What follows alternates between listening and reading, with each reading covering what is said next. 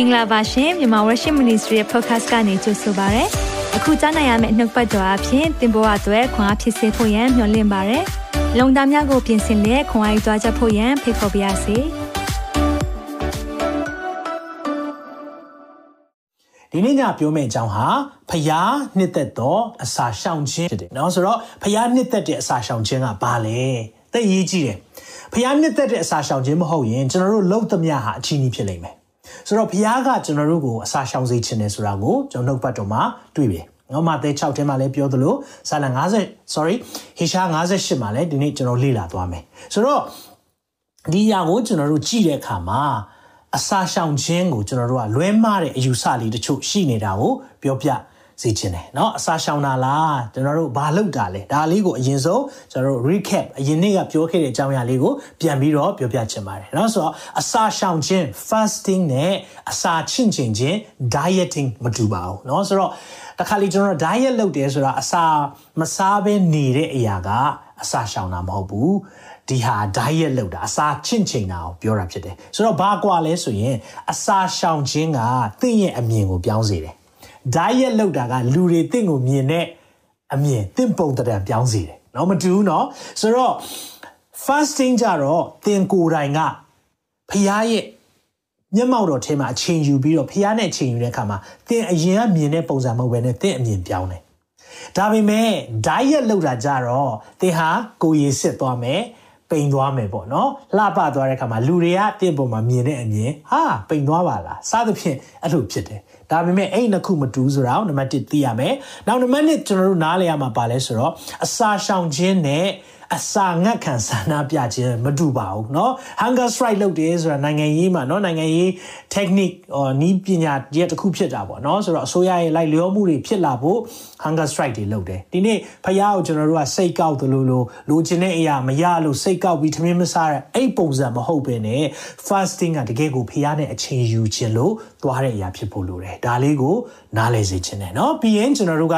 အစာရှောင်ခြင်းကနားလည်ဖို့ကလူထင်ကြီးအောင်လှုပ်ဆောင်တဲ့အရာမဟုတ်ဘူးအာအစာဘနည်းရှောင်တယ်ဘလောက်လှုပ်တယ်ဒါဆိုတဲ့ဖာရီရှဲနဲ့ဘာမှမကွာတော့ဘူးဖာရီရှဲဆိုတာနော်ကျမ်းတက်ပုဂ္ဂိုလ်တွေပညာတတ်တွေဖရားအရာမှာကျမ်းစာကိုသိကျွမ်းတဲ့လူတွေဖြစ်တယ်ဒါပေမဲ့သူတို့ကအစာရှောင်ခြင်းဆိုရင်သူရဲ့အပြင်ပန်းကိုတအားပြင်ဆင်တယ်စပင်းတွေကိုပွားပြီးတော့ဟာလာသူတို့ရဲ့ပုံစံကြည့်တဲ့အခါမှာအော်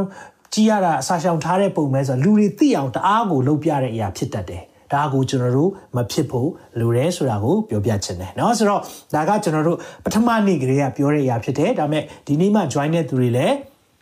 မလွတ်သွားအောင်လို့ပြန်ပြီးတော့ကျွန်တော်တို့နှွေးပေးတာဖြစ်တယ်เนาะဆိုတော့စာရှောင်ခြင်းနဲ့ပတ်သက်ပြီးတော့နားလေဖို့ကသိစေချင်တယ်ကျွန်တော်တို့မှာခန္ဓာစိတ်ဝိညာဉ်ဆိုပြီးတော့၃ဘိုင်းရှိတယ်အဲ့ဒီ၃ဘိုင်းမှာသင်ကအစာရှောင်တယ်ဆိုရင်အစာမစားတော့တာခန္ဓာကိုအစာမကျွေးတော့ နောက်ပြီးရင်စိတ်ကိုအစားမကြွေးတော့เนาะစိတ်အစားဆိုတာကျွန်တော်တို့ entertainment ပဲဖြစ်ဖြစ်เนาะတခုခုစိတ်ထွက်ပေါက်ယူတဲ့အရာတခုခုအဲ့ဓာတွေကိုဖြတ်เนาะအစားကိုဖြတ်တယ်စိတ်စိတ်အစားတွေဖြတ်ပြီးတော့ဝိညာဉ်အစားကိုစားတယ်ဒီနှစ်ခုကိုဖြတ်လိုက်တာ ਨੇ automatic ဝိညာဉ်စာစားပြီးသားဖြစ်သွားတယ်เนาะပြောချင်တဲ့သဘောကပါလဲဆိုတော့အစာရှောင်ခြင်းဟာ အပြင်ကိုခန္ဓာအပြင်လူကချိနေသွားတယ်အားမရှိတော့ဘူးအဲ့ဒီချိန်မှာဘာဖြစ်လဲဆိုတော့အတွင်းလူခိုင်ခန့်ခြင်းဖြစ်တယ်ဒါအောင်နားလေးစေချင်တယ်နော်အစာရှောင်ခြင်းသည်အတွင်းလူကိုခိုင်ခန့်စေခြင်းဖြစ်သည်အာမင်အစာရှောင်ခြင်းသည်အတွင်းလူကိုခိုင်ခန့်စေခြင်းဖြစ်သည်အာမင်ဒါကိုနားလေးစေချင်တယ်နောက်အစာရှောင်ခြင်းနဲ့ပတ်သက်ပြီးတော့ definition တစ်ခုကျွန်တော်ပေးချင်ပါတယ်အဲ့ဒါကလောကအရာကိုဖြတ်ဖျားအရာကိုဆက်အာမင်လောကအရာကိုဖြတ်ဖျားအရာကိုဆက် ဒါပဲအစာရှောင်နေဆိုတာလောကအရာကိုဖျက်တာလောကနဲ့လောကနဲ့ဆက်ဆိုင်တဲ့အရာကိုဖျက်တာဒါပေမဲ့ကျွန်တော်တို့ကလောကသားတွေလောကထဲမှာနေနေရသေးတယ်နော်လောကသားတွေတော့မဟုတ်ပေမဲ့လောကထဲမှာနေနေရသေးတယ်ဒီကဘာမှာနေရတဲ့ခါမှာကျွန်တော်တို့ကအချိန်ပြည့်ကြီးတော့ကင်းလို့မရဘူးလေနော်ဒါပေမဲ့ကင်းလို့ရတဲ့တစ်ချိန်ရှိရမယ်နော်တစ်ပတ်မှာတစ်ချိန်လားတစ်ပတ်မှာတစ်ရက်နှစ်ရက်လားဒါမှမဟုတ်ရင်တစ်လမှာတစ်ပတ်လားစသဖြင့်ကျွန်တော်တို့တစ်နှစ်မှာတစ်လလားဒီနေ့ဖီးယားနဲ့ အချိန်ယူဖို့ဖြစ်တယ်ဒါကြောင့်လောကအရာကိုဖျက်ဖရာအရာကိုဆက်ဘာကြောင့်လဲဆိုတဲ့အခါမှာ APEC OWRS အခန်းကြီး3ငယ်16မှာရှင်ပေါလုကဒီလိုပြောတယ်ဆုတောင်းသောအချက်ဟုမူကားဝိညာဉ်တော်အဖြစ်သင်တို့ရဲ့အတွင်းလူကိုခွန်အားနဲ့မြဲမြံခိုင်ခန့်စေတယ်เนาะဆိုတော့အတွင်းလူ ဒီနေ့အတွင်းအားကောင်းဖို့လိုတယ်เนาะတရုတ်တိုင်းကားတွေကျွန်တော်တို့ကြည်ဖူးပါလိမ့်မယ်အဲ့ဒီအချိန်မှာအဲသူတို့ကဘာနဲ့ပဲဆုံးဖြတ်သွားလဲဆိုရင်တယောက်နဲ့တယောက်ကအတွင်းအားနဲ့ပဲဆုံးဖြတ်တယ်ဟုတ်လားအတွင်းအားကောင်းတဲ့လူကတကယ်ကိုတခုခုတိုက်ရင်နိုင်တယ်လို့ပဲစသဖြင့်เนาะကျွန်တော်ပြောတဲ့အခါမှာဝိညာဉ်တိုက်ပွဲလဲထုံနည်း၎င်းပဲကျွန်တော်တို့ရဲ့အတွင်းလူခိုင်ခန့်တဲ့လူကဝိညာဉ်တိုက်ပွဲတွေမှာအမြဲနိုင်တာကိုတွေ့ရတယ်အာမင်ဒါကြောင့်မလို့ကျွန်တော်တို့ဝိညာဉ်လူအတွင်းလူကိုခိုင်ခန့်စေဖို့ရန်အတွက်ပြင်ဆင်ရအောင်ဒါကြောင့်အပြင်လူကိုပဲအစာမကျွေးပါနဲ့အပြင် လူကိုပဲကျွန်တော်တို့ရေမချိုးပေးပါနဲ့အပြင်လူကိုပဲအဝတ်စားမစင်ပေးပါနဲ့အပြင်လူလှပအောင်မိတ်ကပ်တွေနော်စပင်တွေညက်မယ်ကျွန်တော်အမျိုးမျိုးပြင်ဆင်တယ်လို့ပဲအတွင်းလူကိုလည်းခိုင်ခန့်ဖို့လုပ်ပေးရအောင်အဲ့ဒီအတွင်းလူကဘာနဲ့ခိုင်ခန့်စေလဲအစာရှောင်ခြင်းနဲ့ခိုင်ခန့်စေတယ်ဟာလေလုယာပြန်ပြောမယ်နော်အတွင်းလူကဘာနဲ့ခိုင်ခန့်စေလဲဆိုရင်သင်ရဲ့အစာရှောင်ခြင်းဆုတောင်းခြင်းနဲ့ခိုင်ခန့်စေတယ်အာမင်ဒါကြောင့်မလို့ပြောပြခြင်းတယ်ဆိုတော့ဒီနေ့မှာကျွန်တော်က ဒါကကျွန်တော်တို့ဟိုနေ့ကပြောခဲ့တဲ့အရာကိုပြန်နှွှေးပေးတာဖြစ်တယ်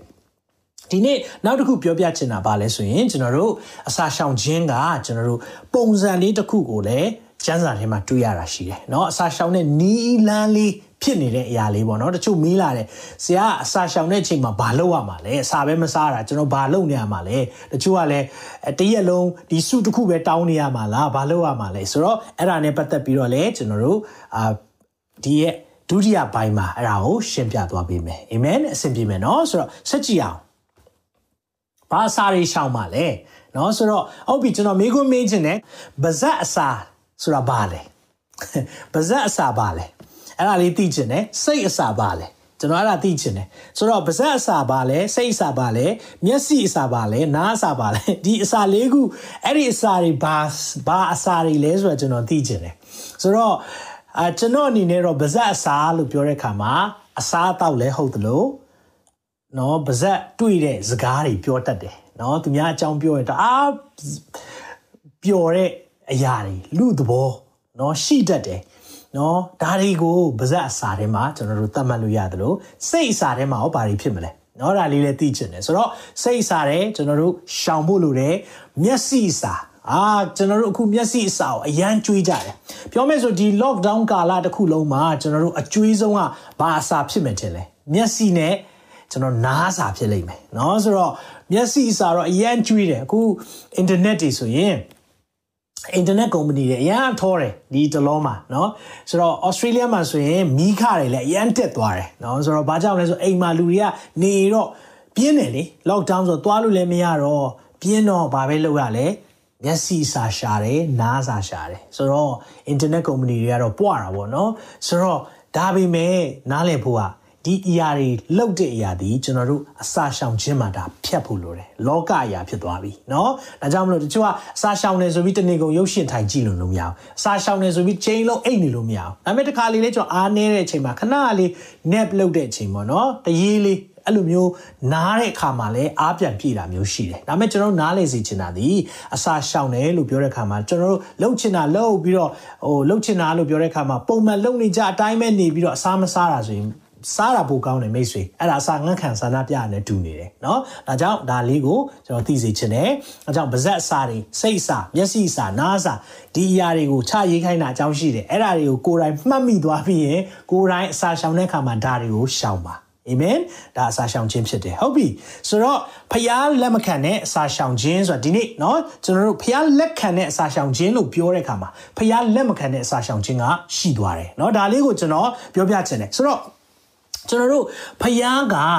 ကျွန်တော်တို့ကိုလှုပ်စေခြင်းတဲ့အရာလေးတွေရှိတယ်အာသူကျွန်တော်တို့အပေါ်မှာဖြစ်စေခြင်းတဲ့အရာလေးတွေရှိတယ်ဒါလေးတွေကိုကျွန်တော်တို့ကသိဖို့လိုတယ်ဘာကြောင့်လဲလို့ပြောတဲ့အခါမှာကျွန်တော်တို့အဲ့ဒီအတိုင်းမလုပ်ဘူးဆိုရင် အဆင်မပြေဘူးဥပမာဆိုပါစို့ဆောင်းဝန်းခန်းထဲသွားပြီးတော့မေးခွန်းနဲ့အဖြေမကိုက်တာဘလောက်ပဲကျွန်တော်တို့ဖြေဖြေဘလောက်ပဲစာနော်စာရွက်ပူရီတောင်းပြီးတော့ထပ်ဖြေဖြေမေးခွန်းနဲ့အဖြေမကိုက်ရင်သွားပြီလေနော်ဆိုတော့ထိုနည်း၎င်းပဲဖခင်ကကျွန်တော်တို့ဖြစ်စီချင်တာတခုနဲ့ကျွန်တော်တို့ဖြစ်နေတာတခုဆိုရင်လည်းအဆင်မပြေဘူးဒါကြောင့်ကျွန်တော်နားလဲစီချင်တယ်ဒီညမှာကျွန်တော်ပြောတဲ့အခါမှာဖခင်နှစ်သက်သောအစာရှောင်ခြင်းလို့ကျွန်တော်တို့ခေါင်းစဉ်တက်ထားတဲ့နောက်မှာ ဖျားမနှစ်သက်တဲ့အရာတွေလည်းသိဖို့လိုတယ်။နော်ဒါကြောင့်ကျွန်တော်တို့နှုတ်ပတ်တော်လည်းကြီးလို့ရတယ်။ကျွန်တော်ကျမ်းစာနှစ်ပိုက်သွားမယ်နော်။ဆိုတော့ပထမပိုင်းကတော့ဟေရှာယ58ကိုကျွန်တော်သွားရအောင်နော်။ဟေရှာယ58တင်မှာကျွန်တော်ဘာတွေ့ရမလဲဆိုရင်တော့ပထမအပိုင်းကိုကျွန်တော်သွားရအောင်နော် โอเคကျွန်တော်ဘယ်ကနေစဖတ်မလဲဆိုရင်တော့အငယ်အငယ်3ကိုကျွန်တော်တို့တစ်ချက်လောက်ကြည့်အောင်เนาะဆိုတော့ကျွန်ုပ်တို့ဒီเนาะကျွန်ုပ် အကျွန်ုပ်တို့ဒီအစာရှောင်ခြင်းအကျင့်ကိုကျင့်သောအခါကိုရောဒီအဘယ်ကြောင့်မြင်တော်မမူသနည်းတဲ့ကိုရောအစာရှောင်တာဘာလို့မမြင်လဲတဲ့အမေခွန်းမင်းနေပြီနော်ကျွန်တော်တို့တစ်ခါလေအစာရှောင်ပြီးတော့အဖြေမရတာတွေရှိဖူးမှာပဲနော်အစာရှောင်ပြီးတော့ဟာကောင်းကင်ကြီးပိတ်နေတယ်လို့ခံစားရတဲ့အချိန်အများကြီးရှိတတ်တယ်နော်ဆိုတော့အဲ့ဒီအချိန်မှာကျွန်တော်တို့ကတစ်ခါလေကြာရင်ကိုရောဘာလို့ကျွန်တော်အစာရှောင်တာကိုရောအတိမတ်မပြူတာလဲမမြင်တာလဲ ဆိုရင်ဆက်ကြည့်အောင်ကျွန်တော်တို့ဒီချိုးချံစွာကျင့်တော့ကချိုးချံတယ်ဆိုတာကျွန်တော်တို့မစားတာเนาะကျွန်တော်တို့လောကယာတွေကိုဖယ်တယ်ကိုရောဒီအဘယ်ကြောင့်တိမတ်တော်မမူသနည်းဟုဆိုတော့ဘာလို့မတိမတ်တယ်လဲလို့ဆိုတဲ့ခါမှာတဲ့တင်းတို့ဒီအစာရှောင်တော့နေနိုင်တဲ့အစာရှောင်တဲ့အချိန်မှာကိုယ်တိုင်ပျော်မွေ့ရေကိုကတော့အစာရှောင်နေဖះနဲ့ပျော်မွေ့ပြီးတော့တဲ့ ကျွန်တို့ကိုပင်ပန်းစွာလှုပ်စေကြ၏တဲ့เนาะဆိုတော့ကျွန်နေအခုခေတ်မှာတော့ကျွန်မမရှိတော့တာဒါပေမဲ့အိမ်မှာခိုင်းတဲ့သူတွေရှိတတ်တယ်ကိုယ့်ရဲ့အလုပ်သမားတွေရှိတတ်တယ်လုပ်ငန်းရှင်တွေသတိထားရအောင်အခုလုပ်ငန်းလုပ်ငန်းလုပ်တဲ့သူတွေလည်းဒီအရာအကျုံးဝင်တယ်เนาะဆိုတော့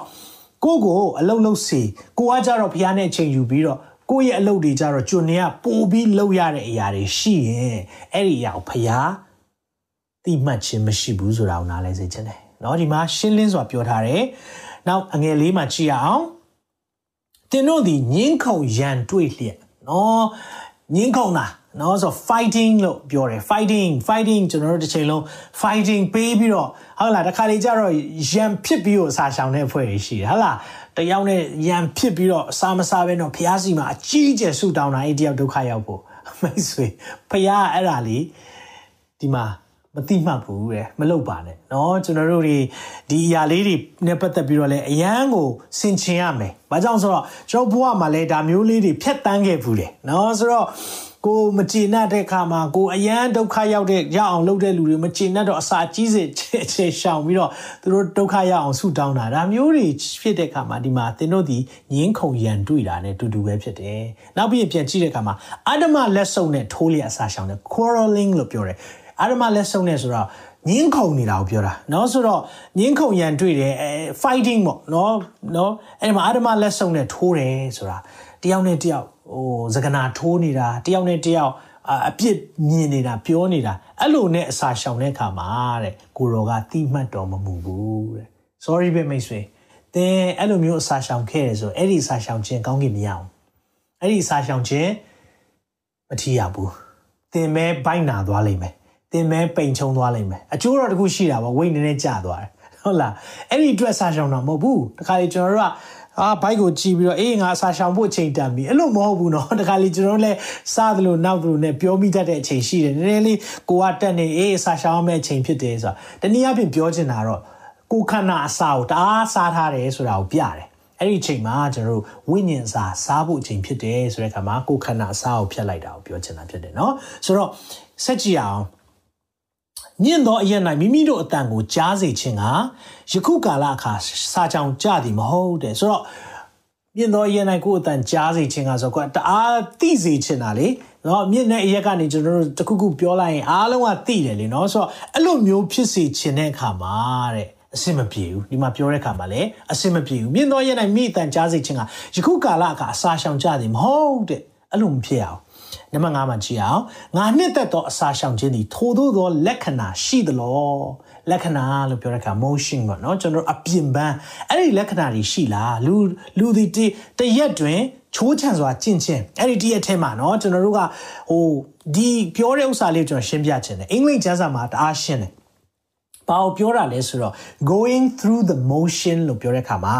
ဟိုအပြင်ပန်းလက္ခဏာတွေအားလုံးလှုပ်ဆောင်ချက်ပါပြီးတော့ အထဲလှုပ်ဆောင်ချက်မပါတာကိုပြောထားတယ်ပြန်ပြောမယ်နော်အပြင်ပန်းလှုပ်ဆောင်ချက်ဆိုတာ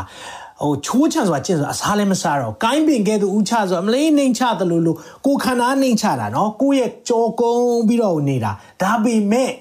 စိတ်ကတော့မာနေတယ်အဲ့ဒါမျိုးပေါ့နော်ကိုအထဲကမာနကတော့ရေလေကြီးနေတယ်ဒါပေမဲ့အပြင်မှာကြီးတဲ့ခါမှာမလေးနှိမ်ချတယ်လို့လို့လှုပ်တဲ့ဟာတွေပြောတာအဲ့ရဖို့ short နဲ့ပြာကိုခင်းတယ်ဆိုတော့အော် အိတ်အိတ်ရဖို့တော့တို့ကဒီမှာတော့ဂျူးတွေအစားရှောင်ပြီဆိုရင်တို့ကတော်တော်လေးကိုဟိုတကယ်ကိုစိတ်ကောကိုရောပါတယ်ဆိုတော့အမြင်ပြလေးရှိတာပေါ့အဲ့ဒီမှာကြည့်တဲ့အခါမှာအဲ့ဒီလက္ခဏာတွေဆိုတော့အပြင်ပန်းလက္ခဏာပဲပါပြီးတော့အတွင်းလက္ခဏာမပါတာအတွင်းလက္ခဏာဆိုကျွန်တော်မနေ့ကလည်းပြောတယ်နှလုံးကိုစုပ်တာဆိုတော့ပြောချင်တဲ့သဘောနှလုံးကကြိုးပဲ့ကြည်မွပြီးတော့မာနတွေမထားတော့ဘူး နော်ဆိုသူဘာကိုကိုတခုခုပြောလို့ဒါမှမဟုတ်တခုခုလှုပ်လိုက်လို့ကြေကွဲတဲ့အချိန်လည်းရှိပါတယ်ဒါပေမဲ့လက်တုံပြန်ခြင်းတဲ့ဟာမျိုးမဟုတ်ပဲနဲ့နော်ဆိုတော့အဲ့ဒီအရာလေးတွေရှိတယ်ဆိုတော့ငါနဲ့တက်တော်ဆာရှောင်ခြင်းဒီထို့သောလက္ခဏာရှိသလားနော်ဆက်ကြည့်အောင်အဲ့ဒီမှာတရက်တွင်ချိုးချမ်းစွာကျင့်ခြင်းကိုင်းပင်ကဲ့သို့ဥချခြင်းအိယာဖို့ရှော့တီနှင့်ပြာကိုခင်းခြင်း လက္ခဏာရှိလင်အစာရှောင်ခြင်းဟူ၍၎င်းသာရဖျားနှစ်သက်တော်မူသောနေ့ရက်ဟူ၎င်းမှဲ့အပ်တယ်လို့တဲ့အဲ့လိုမျိုးလှုပ်ထားတဲ့လက္ခဏာပဲရှိတယ်ဆိုရင်ဒါအစာရှောင်တဲ့နေ့လို့ပြောတင်လားတဲ့အဲ့လိုမေးတာအစာရှောင်တဲ့နေ့ဘုရားသခင်နှစ်သက်တော်မူတဲ့နေ့ဖြစ်ပါမလားတဲ့ပြောထားတယ်ဒါဆိုရင်ကျွန်တော်တို့ကဒါကိုဆက်ကြည့်တဲ့အခါမှာအဖြေကကျွန်တော်တို့နောက်ပိုင်းမှာဆက်တွေ့ရတယ်เนาะဒါလေးကိုကျွန်တော်ပြောပြချင်တယ် ဆိုတော့ကြည့်မယ်ဆက်ကြည့်တဲ့အခါမှာငါနှစ်သက်သောအစာရှောင်ခြင်းဟုမူကားအော်ဒီမှာလာပြီဆိုတော့ဖခင်က तू နှစ်သက်တဲ့အစာရှောင်ခြင်းအကြောင်းစပြောပြီဆိုတော့အဲ့ဒီမှာကြည့်မယ်နော်မတရားသောအချီနှောင်ကိုချွတ်ခြင်းမတရားတဲ့အချီနှောင်သူများကိုဘာချီထားလဲအဲ့ဒီချီထားတဲ့အရာတွေကိုချွတ်ဖို့ဖြစ်တယ်နော်ဆိုတော့ချီနှောင်ခြင်းတွေအကုန်ချွတ် ဆိုတော့ခြီထားတဲ့အရာတွေအများကြီးရှိတယ်စိတ်ထဲမှာမချီနှောင်သူ့ကိုပြန်ပြောခြင်းတယ်အဲ့ဒါခြီထားတာဩငါတစ်ခေါက်ပြန်တွေးလို့ကတော့အရင်တစ်ခေါက်သူငါ့ကိုပြောတဲ့စကားကိုပြန်ခြေပမယ်အဲ့ဒါခြီထားတာလို့ခေါ်တယ်နော်ဖြစ်တတ်တယ်လူတွေကဖြစ်တတ်တယ်ဆိုတော့အဲ့ဒီစကားကဘာလဲဆိုတော့ပြန်မေးအောင်မယ်စသဖြင့်ပေါ့နော်ကျွန်တော်တို့ကစကားနဲ့အနိုင်ယူခြင်းတဲ့အရာလေးတွေရှိတတ်တယ်ဆိုတော့ကိုနှစ်သက်တဲ့အစာရှောင်ခြင်းတွေကတဲ့မတရားတဲ့အချီနှောင်ချွတ်ရမယ်နံပါတ်1အဲ့ဒါအရင်ရေးကြည့်တယ်နော်ဆိုတော့အချီနှောင်တွေ အကုန်ချွတ်နော်ဆိုတော့ခြီးတဲ့အရာတွေချွတ်လေးသောဝင်ကိုချခြင်းတဲ့ဆိုတော့လေးသောဝင်ကိုချခြင်းလို့ပြောတဲ့အခါမှာဒီနေ့မြန်မာကျမ်းစာမှာကိုယ့်ရဲ့ဝင်ထုတ်ဆိုတဲ့သဘောမျိုးအရန်ပါတယ်နော်ဆိုတော့လေးသောဝင်ချတယ်လို့ပြောပြီးမြဲအင်္ဂလိပ်ကျမ်းစာမှာအင်္ဂလိပ်ဘာသာပြန်မှာကြည့်တဲ့အခါမှာကြတော့သူတပားကိုဥမာခုနကတော့ပြောတဲ့ကျွန်တို့ကိုခိုင်းစီတဲ့အရာအဲ့ဒီလေးတဲ့ဝင်တွေကိုချပေးဖို့ဖြစ်တယ်ဆိုတော့ဥမာသူတို့ကို နော်ဆိုတော့ကိုအစာရှောင်တဲ့နေ့မှာသူတို့ကိုခါတိုင်းလှုပ်တဲ့အလုပ်ထက်နည်းနည်း short ပြီးလှုပ်ခိုင်းတာမျိုးပြောတာနော်ဆိုတော့ကိုရဲ့အိမ်သူအိမ်သားတွေနော်ကိုကိုအလုပ်လုပ်ပေးနေတဲ့သူတွေကိုသူတို့မှာတင်ထားတဲ့ဝင်ကိုနည်းနည်း short ခိုင်းတာအဲ့ဒါကိုပြောချင်တာဖြစ်တယ်နော်ဆိုတော့လေးသောဝင်ဆိုတော့ကိုရဲ့ဝင်ထုတ်ဒီမှာအဲ့ဒီသဘောမျိုးပေါ်တယ်ဒါပေမဲ့ကျွန်တော် အင်္ဂလိပ်ဘာသာပြန်မှာဖတ်တဲ့အခါမှာကိုကသူများပေါ်သွားတင်ထားတဲ့ဝင်ကိုချခိုင်းတာဖြစ်တယ်เนาะအဲ့ဒါလေးကိုနားလဲရတယ်နောက်အဲ့ဒီမှာညင်းဆဲခံရသောသူတို့ကိုလွှတ်ခြင်းတဲ့ဆိုတော့ညင်းဆဲခံရတဲ့သူတွေဆိုတာ captive เนาะညင်းဆဲဖို့ဖမ်းထားတဲ့ဖမ်းဆီးထားတဲ့သူတွေကိုလွှတ်ပေးပါတယ်ဆိုတော့ဒီအချိန်မှာကျွန်တော်ဖမ်းတဲ့လူတွေရှိလားဘယ်လိုဖမ်းလဲသိလားဖမ်းတာဗော ချီနှောင်ထားတာလေ။အော်ချီထားတာချီထားတာကျွန်တော်တို့တွေနော်ဆိုတော့အချီနှောင်နဲ့တူတူပဲဆိုတော့ညင်းစဲခံရတာသူတို့တွေကမသိဘူးကိုယ့်ရဲ့အချီနှောင်ထဲမှာရှိနေတယ်နော်ဆိုတော့ ဟိုအိမ်မှာတော့ချုပ်ထားတာတော့မဟုတ်ဘူးဒါပေမဲ့နှလုံးအိမ်ထဲမှာချုပ်ထားတဲ့အရာတွေရှိတတ်တယ်ဒါကိုကျွန်တော်တို့လှုပ်ဖို့ဖြစ်တယ်တဘိုးရှိသမျှကိုချိုးတာဆိုတော့ကျွန်တော်ဝင်တင်တဲ့အရာတွေเนาะအရာတွေအားလုံးတဘိုးရှိတဲ့အရာတွေကိုချိုးခြင်းမဟုတ်လို့တဲ့ဒီမှာပဲမပြီးသွားဘူးအငယ်ခုနှစ်မှာကြည့်အောင်မွတ်သိပ်သောသူကိုအစာကျွေးခြင်းတဲ့เนาะငါကျွန်တော်တို့မစားနိုင်တဲ့သူတွေကိုအစာကျွေးရတဲ့အရာဒါအစာရှောင်ခြင်းလို့ဖခင်သတ်မှတ်တယ်အဲကြောင့်မနေ့ကလည်းကျွန်တော်နည်းနည်းပြောဖူးတယ် ကျွန်တော်တို့အကျင့်လေးတစ်ခုလုပ်စေချင်တာပေါ့နော်တကယ်ထိရောက်တဲ့အစာရှောင်ခြင်းဖြစ်လာဖြစ်လာဖို့ဆိုရင်ဘာလုပ်ဖို့လိုလဲဆိုတော့ဒါကတော့အဲကျွန်တော်ရဲ့လေ့ကျင့်တဲ့အရာပေါ့နော်နောက်ပြီးရင်ကျွန်တော်မနေ့ကပြောသလိုပဲဒေါက်တာဆဆာလေ့ကျင့်တဲ့အရာလေးတခုကိုကျွန်တော်သင်ယူမိတာပေါ့နော်အဲ့ဒါဘာလဲဆိုရင် तू ကအစာရှောင်တိုင်းမှာတဲ့ तू စာရှောင်တဲ့ အဲ့ဥမာ तू တနတ်ရှောင်တယ်ဆိုအဲ့တနတ်အတွက်9ဒေါ်လာကုန်မယ်ဆိုပါစို့အဲ့ဒီ9ဒေါ်လာကိုစုဘူးထဲမှာထည့်လိုက်တယ်တဲ့ပြီးကြရင်မစားနိုင်မတောင်းနိုင်တဲ့သူတွေကိုလှူလိုက်တယ်တဲ့အဲ့လိုပြောတဲ့အခါမှာဒါလေးမွတ်သိမ့်သောသူကိုအစာကျွေးခြင်းနဲ့တူတူပဲဖြစ်တယ်နော်မိတ်ဆွေဒါလေးကိုကျွန်တော်နားလေတဲ့အခါမှာအော်အစာရှောင်ခြင်းကသူတို့စာတာဘလောက်ခံရလဲဆိုတော့ကိုလည်းကိုချင်းစာလို့ရသွားတယ် အာမင်တခါလေလေအာဖရိကမှာကျွန်တော်ကြီးတဲ့ခါမှာเนาะကလေးငယ်တွေအရန်ဘိုက်စားတဲ့ခါမှာကျွန်တော်တို့သူတို့စာလောက်မှုကိုလေနားလဲခြင်းကျွန်တော်တို့နားမလည်နိုင်ဘူးเนาะကြီးပဲကြီးတာကြော်ညာလာရင်လည်းအော်တနာပါတယ်ပြီးသွားပြီနော်ပြီးရင်မစင်းစားတော့ဘူးအာညကြရင်ဟောအဲ့ဒီအကြောင်းလေးကောင်းတွေကမထွက်ဘူးအဲ့လိုမရှိဘူးတော်ယုံတန်ယုံဘယ်သူမှအလောက်ထိလေဒုက္ခရောက်နေတဲ့သူတွေကိုတစ်ချိန်လုံးဒါဒီပဲစဉ်းစားပြီးတော့ဘလို့ကူညီနိုင်မလဲအဲ့လိုမစဉ်းစားဘူးနော်လူကလူကတကူတကူကောင်းဆန်တယ် အဲ့လိုတကူကောင်းဆန်တဲ့အခါမှာကျွန်တော်နားလဲစေချင်တယ်အဲ့ဒီမှာဘာဖြစ်တတ်လဲဆိုတော့ဒီလိုမျိုးကျွန်တော်တို့ငတ်မွတ်တဲ့သူတွေရဲ့စာငတ်ခြင်းကိုတကယ်နားလဲခြင်းတယ်ဆိုရင်လေကိုအစာရှောင်ကြည့်အစာရှောင်တဲ့ထဲကနေကိုတနှက်ရှောင်ရင်အဲ့တနှက်ကိုစုဘူးထဲမှာထည့်ထားလိုက်အစာရှောင်ခြင်းစုဘူးထားလိုက်အဲ့ဒီထဲမှာထည့်ပြီးတော့အဲ့ဒီအရာနဲ့ငတ်မွတ်တဲ့သူတွေကိုပို့လိုက်ပါကျွေးလိုက်ပါအဲ့ဒီချိန်ကျရင်တော့မွတ်သိပ်သူကိုအစာကျွေးခြင်းဟာတကယ် ထိရောက်တဲ့အစာရှောင်ခြင်းဖြစ်လာပါလိမ့်မယ်အာမင်နောက်နေရာမရှိနေရာမရှိတဲ့သူတွေ shelter ဆိုတာ provide shelter ပေါ့နော်ဆင်းရဲသောသူတွေကိုကိုယ်အိမ်တို့ဆောင်ခြင်းတဲ့နော်ဆိုတော့အဲ့လိုပြောတဲ့အခါမှာဒီဟာလဲ provide a shelter ဆိုတာသူတို့နေစရာကိုပြင်ဆင်ပေးခြင်းဆိုတဲ့အဓိပ္ပာယ်ဖြစ်တယ်เนาะဆိုတော့လမ်းမှာရှိတဲ့သူအားလုံးအိမ်ခေါ်လာဖို့ပြောတာတော့မဟုတ်ပါဘူးသူတို့နေစရာမရှိတဲ့အရာဆင်းရဲတဲ့သူတွေအဆင်ပြေဖို့ရန်အတွက်ပြင်ဆင်ပေးခြင်းเนาะဘာကြောင့်လဲဆိုတော့ဆင်းရဲသားကိုတနာတော်သူဟာတဲ့ထာဝရဘုရားကိုချီးငှားတော်သူဖြစ်တယ်တဲ့ထို့သူရဲ့အကျိုးကိုပြန်ဆက်ပေးမယ်တဲ့အာမင်ဖခင်ကိုချီးငှားတယ်ဆိုတာဖခင်ကိုစိတ်ချရလား စိတ်ချရတယ်နော်ဖះမှာပြန်ပေးနိုင်တဲ့အစွမ်းစာရောရှိလားရှိတာပေါ့ဖះမှာကျွန်တော်တို့တင်သမျှအားလုံးကိုအတိုးနဲ့ပြန်ပေးနိုင်လားပေးနိုင်တယ်ဒါဆိုဒီနေ့မှာဖះအောင်ချင်းငားရအောင်အာမင်စင်းရဲသားတွေကိုကျွန်တော်တို့ပေးတဲ့အရာတွေနော်သူတို့နေစရာတွေပြင်ဆင်ပေးတဲ့အရာတွေဟာတဲ့စစ်မှန်တော့ငါနှစ်သက်တော့အစာရှောင်ခြင်းတဲ့ဖះနှစ်သက်တဲ့အစာရှောင်ခြင်းဖြစ်တယ်အဲ့လိုကြီးတဲ့အခါမှာကျွန်တော်ဗာမြင်ရလဲတလားကျွန်တော်အစားမစားတာတို့ဟုတ်လား ကျွန်တော်အရေမတောက်တာတို့ကျွန်တော်ညင်းခုန်နေကြရလဲရေမတောက်ရင်ပိုထိတယ်အဲအစားတော့မှအာဗာလဲရေထဲမှာတော့မှဘာအဲ့လိုမျိုးတွေကျွန်တော်တို့တွေအမျိုးမျိုးညင်းခုန်နေကြတယ်ဒါဆိုရင်ပိုပြီးဖះပိုပြီးနားညောင်းတယ်စားသဖြင့်ကျွန်တော်တို့အဲ့လိုမျိုးတွေတွင်တင်တဲ့ဟာတွေကြားကြားခဲ့ဘူးတယ်ဒါပေမဲ့ဖះတကယ်နှစ်သက်တဲ့အစာရှောင်ခြင်းကြတော့ဒီမှာကြည့်တဲ့အခါမှာဘာကိုပြောတာလဲဆိုတော့မွတ်သိတဲ့သူကိုစာကျွေးတာနေရာမရှိတဲ့စင်းရင်သားတွေကိုပြင်ဆင်ပေးတာဒါကိုဘုရားက အရင်နှစ်တဲ့စာရှောင်ခြင်းလို့ပြောတယ်အဲ့ဒါပဲမဟုတ်ဘဲနဲ့အဝတ်မရှိသောသူကိုမြင်လင်အဝတ်ကိုပေးတာတဲ့နော်ဆိုတော့အဝတ်မရှိတဲ့သူနဲ့ပတ်သက်ပြီးတော့ကျွန်တော်တစ်ခေါက်အဲတငယ်ချင်းတယောက်နဲ့ကြုံတဲ့အရာလေးပြောပြချင်တာအဲ့နဲ့ကျွန်တော်နဲ့သူကအမေရိကန်နိုင်ငံသားဖြစ်တယ်ကျွန်တော်တို့အာ Y1 ပေါ့နော် UK မှာကျွန်တော်ကျောင်းတက်တဲ့အချိန်မှာအဲ့ဒီမှာကျွန်တော် missionary သွားလောက်ကြတာပေါ့နော်လောက်တယ်ဆိုတော့အာတနေရာမှာကျွန်တော်သွားတဲ့ခါမှာအဲ့မှာလမ်းဘေးမှာ သူကမူးနေပါမူးနေတဲ့တယောက်ထင်ပါတယ်မူးနေတဲ့တယောက်ဖြစ်ပုံရပါတယ်အဲ့လိုလဲဖြစ်ရောအဲ့ဒါနဲ့သူနဲ့ကျွန်တော်နဲ့သွားနေနေသူကတွေ့တော့လေကျွန်တော်တွေ့တွေ့ချင်းပဲအဲ့တယောက်တွေ့တော့ဟဲ့တကယ်ချင်းမင်းအင်ကြီးချွတ်ပေးစမ်းတဲ့ဟမ်ဒီမှာတဲ့တွေ့တာတဲ့ငါတို့ကူညီရအောင်ကျွန်တော်ကမင်းကြီးချွတ်လေတချို့ကကြတော့သူများကိုအဝတ်ကူညီချင်တာကိုယ်အဝတ်မကူညီဘဲနဲ့သူများအဝတ်နဲ့လှုပ်ပေးတာမျိုးလဲရှိတတ်တယ်နော် သူများဝတ်တော့မချွတ်ပေးနဲ့လေဆိုတော့အဝတ်မရှိတဲ့သူအမြင်လဲအဝတ်ပေးခြင်းဆိုတော့အဲ့ဒါဖတ်တိုင်းကျွန်တော်အဲ့ဒါကိုသောသောသတိရတယ်ဆိုကျွန်တော်ကမပေးချင်တာတော့မဟုတ်ပါဘူးအဲ့ဒီတော့ကျွန်တော်လဲမြန်မာပြည်ကစရောက်လာတဲ့ခါမှာစကောလန်မှာနေတော့အရန်ချမ်းတယ်လीနော်ချမ်းတော့ကျွန်တော်လဲအနွေးတွေဝတ်ထားတာအဲ့ဒါနဲ့သူကတွေ့ရတယ်ဟဲ့ချွတ်ဆန်းဆိုတော့အာနည်းနည်းနင်သွားတယ်လीနော်ဆိုတော့ဖြစ်ချင်တော့အဲ့လူကလည်းဘာမှသိတာလည်းမဟုတ်ဘူးသူကသူမူးပြီးလဲနေတာပေါ့နော်ဆိုတော့တခါလေးမှကျွန်တော်တို့ကအဲ့ဒါဝိညာဉ်လူအရန်ဆန်ပြီးတော့သူလှုပ်တော့လုံနေတာပဲဒါပေမဲ့သူများရဲ့အင်ဂျီကိုချွတ်ပေးတာမျိုးဖြစ်တတ်တယ်ဒါမျိုးလည်းမဖြစ်ရအောင်เนาะဒါကြောင့်ကျွန်တော်တို့တွေသူများကိုအဝတ်ပေးမယ်ဆိုရင်လည်းကိုယ့်အဝတ်ပဲချွတ်ပေးပါလို့เนาะသူများအဝတ်ချွတ်ပေးတာမျိုးမလုပ်ရင်တော့ပိုပြီးအဆင်ပြေမယ်เนาะဒါလေးကိုကျွန်တော်အဲ့မှာတွေးတော့လေအားလို့อืมအဝတ်မရှိတဲ့သူမြင်တော့ အဝတ်ပဲကိုယ်ဝတ်ကိုကိုချွတ်ပေးရအောင်เนาะအဲ့ဒါလေးပြောချင်တယ်နောက်နောက်ဆုံးတစ်ချက်အဲ့မှာဖះနှစ်သက်တဲ့အစာရှောင်ခြင်းထဲမှာသိရေးကြည့်တာပါလဲဆိုတော့ကိုယ့်အသားကိုမရှောင်ပဲနေခြင်းမဟုတ်လို့တဲ့ဆိုတော့ကိုယ့်အသားဆိုတော့ကိုယ့်အသားပြောမဟုတ်ဘူးနော်အဲ့ဒီကိုယ့်အသားကသိရေးကြည့်တယ်ဆိုတော့ကိုယ့်အသားနဲ့ပတ်သက်ပြီးတော့ ဘာကိုပြောတာလဲဆိုရင်ဆွေမျိုးသားချင်းကိုပြောတာနော်အဲ့ဒါလေးကိုတိတ်ပြီးတော့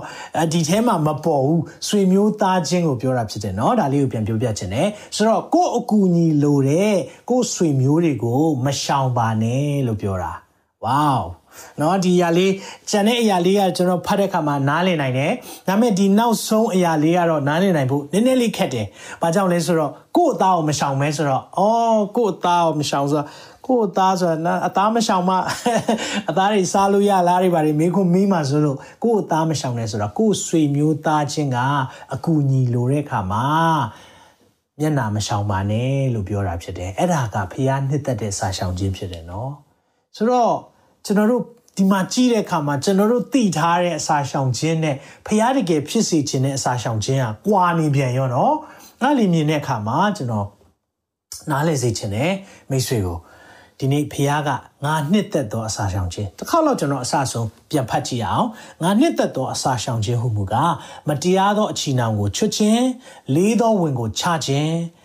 ညှင်းဆဲခံရသောသူတို့ကိုလွတ်ခြင်းတဘိုးရှိသမျှကိုချိုးခြင်းမဟုတ်လော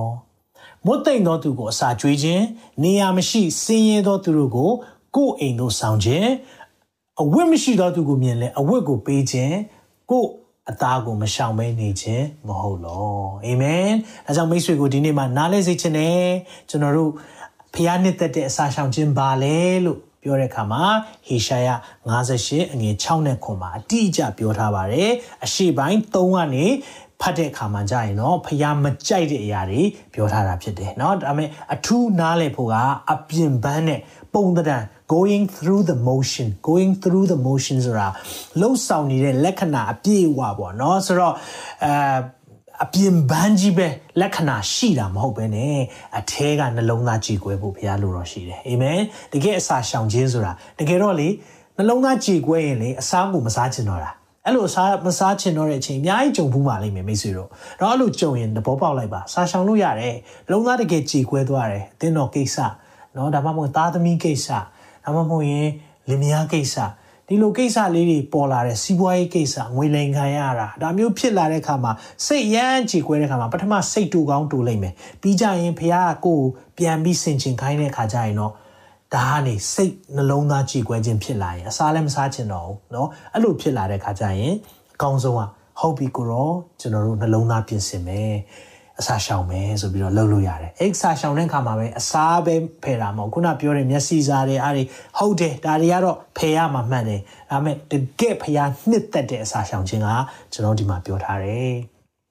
သူများကိုချီနှောင်ခြင်းတွေမလုပ်ရအောင်เนาะလေးတဲ့ဝင်သူများကိုအလုပ်တွေစွတ်ခိုင်းတာတွေမလုပ်ရအောင်ညင်းဆဲခံတဲ့သူတွေကိုလွှတ်ရအောင်เนาะကိုကိုစကလုံးနဲ့ညင်းဆဲထားတဲ့လူရှိကောင်းရှိလိမ့်မယ်စာနဲ့ Facebook မှာရေးပြီးတော့တစ်ချိန်လုံးသူများကိုညင်းဆဲတာလည်းဖြစ်ကောင်းဖြစ်လိမ့်မယ်အဲ့ဒါတွေလွှတ်မဲ့အချိန်ဖြစ်တယ်เนาะတဘိုးရှိသမျှဆိုတော့ကိုတင်တဲ့အရာတွေတဘိုးတွေဒါတွေချိုးဖြစ်ဖို့အချိန်ဖြစ်တယ်။နောက်မွတ်သိတဲ့သူတွေကိုကျွေးမွေးရအောင်နေရာမရှိတဲ့စင်းရဲသားတွေကို နေရာပြင်ဆင်ပေးရအောင်အဝတ်မရှိတဲ့သူတွေကိုအဝတ်ပေးတဲ့အရာဖြစ်အောင်ပြီးရင်ကိုယ့်ရဲ့အကူအညီလိုအပ်တဲ့ဆွေမျိုးသားချင်းတွေအကူအညီလာတောင်းတဲ့အခါမှာလည်းတတ်နိုင်တဲ့ဘက်ကနေကူညီခြင်းဟာဖျားနှစ်သက်သောအစာရှောင်ခြင်းဖြစ်တယ်အာမင်နားလည်နိုင်မလားမသိဘူးเนาะဆိုတော့ဒီနေ့ဒီအရာလေးကိုဖတ်တဲ့အခါမှာသိတ်ကောင်းတယ်เนาะသိတ်ကောင်းတယ်ဆိုတော့ကျွန်တော်ဒါပဲလားလို့ပြောတဲ့အခါမှာဟုတ်ပြီအဲဒေးဗစ်ခင်မြေအစာရှောင်တာတော့နားလည်သွားပြီ အစာရှောင်ရင်ဘာအကျိုးရှိမလဲ